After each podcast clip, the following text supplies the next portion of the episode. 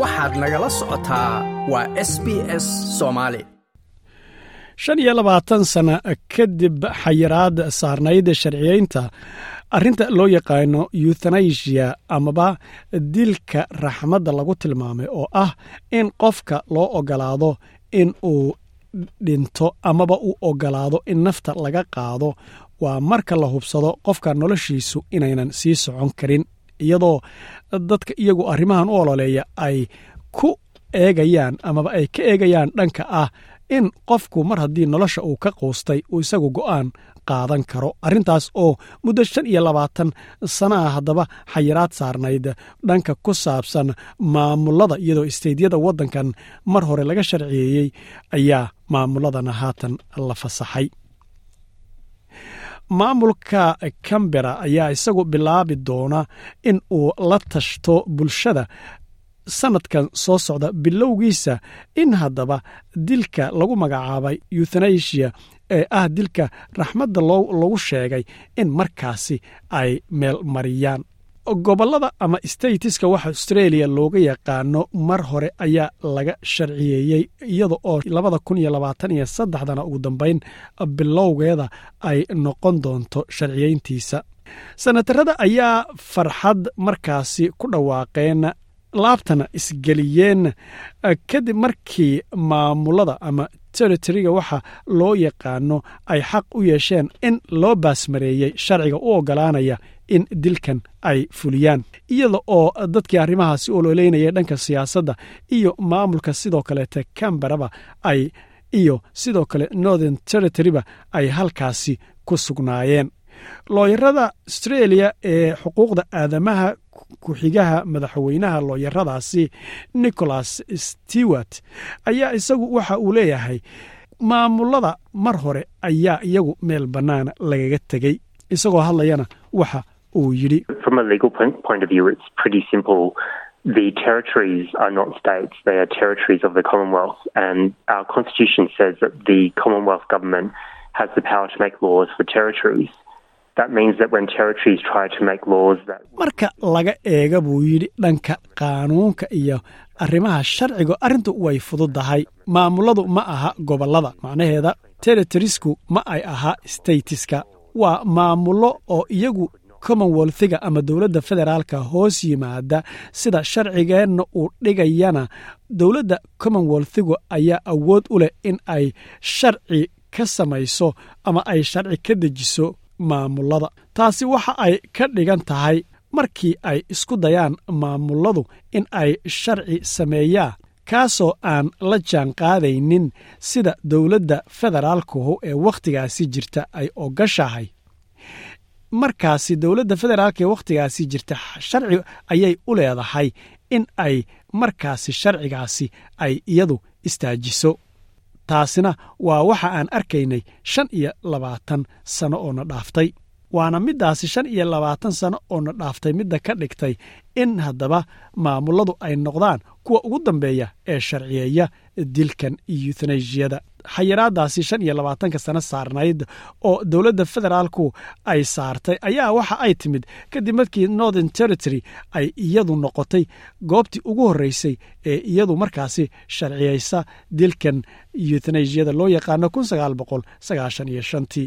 waxayna ka dhigan tahay taasi in aynan awood u lahayn maamuladu in markaasi sharciga ay doonaan ay meel mariyaan. Sidoo kaleete maamulka cambera ayaa hadda ka hor waxa dowladda federaalku ay u diiday meelmarinta guurkan gay marrajka la yidhaahdo. Stewart ayaa isagoo arrintaasi ka hadlaya waxa uu yidhi maamuladu ma aynan ahayn in meel cidlaa lagaga tago waxauna sheegay dhab ahaantii taasi wuxuu yidhi dhammaan gobollada stateska loo yaqaano waddanka australia mar hore ayay sharciyeeyeen. Marka maamuladana bannaanka ayaa lagaga tegay buu yidhi. Arrin qariiba ayay ku tahay dowladda commonwealthigu in aynan u ogolaanin maamuladu in ay marka arrimaha euthanaisiyadu ay timid in ay sharciyaystaan oo ay meel marsadaan. Waana sababta ay la meelmarin waayeen in ay keliya dowladda federaalku ay iyadu markaasi aynan rabin.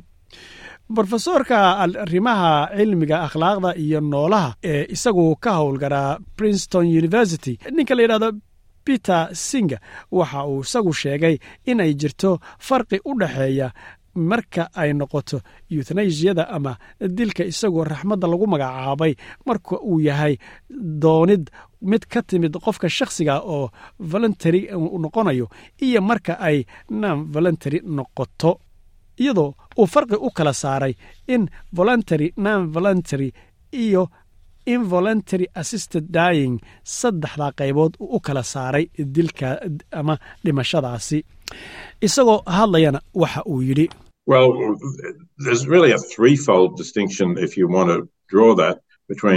voluntary, non-voluntary, and involuntary. sax weeyuu yidhi waxaa dhab ahaantii jira saddex kala bixinood amaba kala qaybin haddii aad markaasi doonto in aad kala qaybiso waxa uu yahay buu yidhi mid isagu iska u doonida iyo mid sidoo kaleete aan isagu doonid ayna ku jirin iyo mid isagu aanba lagaba hadlinba wanaagsan wuxuu yidhi dhab ahaantii waxaa jira saddex qaybood haddii aad doonaysa markaasi inaad arintaasi kala qaybiso oo ay noqonayso mid voluntary layidhaahdo iyo mid non voluntary layidhaahdo iyo sidoo kaleete involuntary midka saddexaad oo la yidhaahdo. Marka wuxuu yidhi kan voluntary euthanaisiada la yidhaahdo amaba voluntary assisted dying kan la yidhaahdo waa midka isagu aanu ka hadlayna ee sharciyeynta australiyana ay khusaysee waa midka markaasi ay sidoo kaleete gobolladuna ay horey u sharciyaysteene waa arrin markaasi ogolaansho la og yahay uu sameeyey qofka isagu markaasi noloshiisu ay tahay midda laga hadlayo. Sidaa daraaddeed buu yidhi waxa ay marayaan buu yidhi dadkaasi nidaamyo amaba jidad iyagu kala duwan oo markaasna aynan iska ahaynun markaas in wax la sameeyo ma ay dhihi karaan doctor anigu waxa aan doonayaa naftayda in aan soo gebagabeeyo noloshayda. Dokhtarkuna markaasi uu uun iska siinayo markaasi dawadii ay isku dili lahaayeen waxa ay tahay in ay horta ogolaansho sameeyaan kadibna ay sugaan maalmo markaasi iyaga oo dib haddana wakhti kaleete arrintan u soo celinaya. Marka qaarkoodna ay tahay in ay takhtar labaad ay imtixaan iyo qiyaas ay u maraan iyo eegid. Sidaa daraaddeed ma ay aha mid iyadu sidaa iskaga dhammaanaysa. Sidaa daraaddeed waa in ay si buuxda u noqoto mid doonid ku timid taasi master singa ayaa isagu waxa oo kale uu sheegay in middan uu ku magacaabay non voluntary euthanasia waxa uu ku tilmaamay inay tahay in qofka arrintan la marinayo uu yahay qof isagu aan waxba aqbali karin. Sida tusaale ahaan buu yidhi ilmo yar oo isagu markaasi dhashay oo dhibaatooyin xanuun la dhashay geerina qarka u saaran dhibaatana ku sugan nololna aan laga rajaynaynin balse wax aqbalida in la dilana aan samayn karin. Waxaa kaloo midda kale ee uu ku magacaabay midda involuntaryga ah waxa uu ku magacaabay mid aan cidiba ka laga hadal inay tahay oo cidimo ayna isweydiinin oo qofka markaa la iska dilo taasina weligeed lagamana hadlin lagamana doodin ayuu yidhi. New south wales ayaa ahayd new south wales ayaa waxay ahayd gobolkii ama statekii isagu aqbalaadda euthnaisiyada oo ugu dambeeyey sharciyaynteedii oo bishii may ee sanadkan labada ay markaasi sharciyaysay ma doonaysaa sheekooyinkan oo kale? Ka dhegayso apple podcast google podcast spotify ama meel kasta oo aad bodkastigaaga ka hesho